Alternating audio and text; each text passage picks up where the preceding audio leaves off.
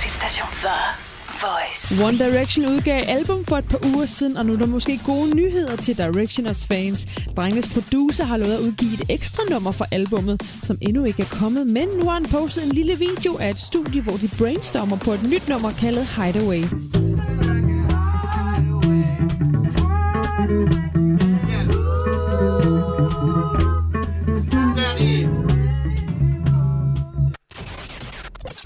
Medine har offentliggjort sit nye album. Det hedder We Survive og udkommer til februar.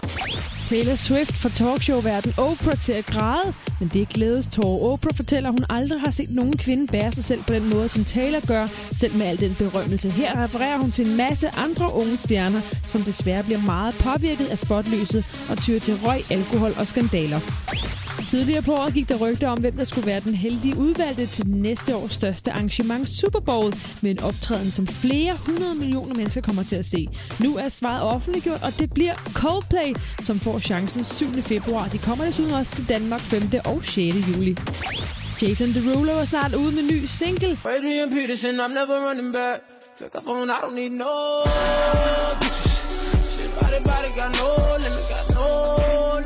Tidligere på året kom han forbi The Voice-studiet og fik en snak med Chris og Heino. Du kan høre hele interviewet på Radio.dk under podcast.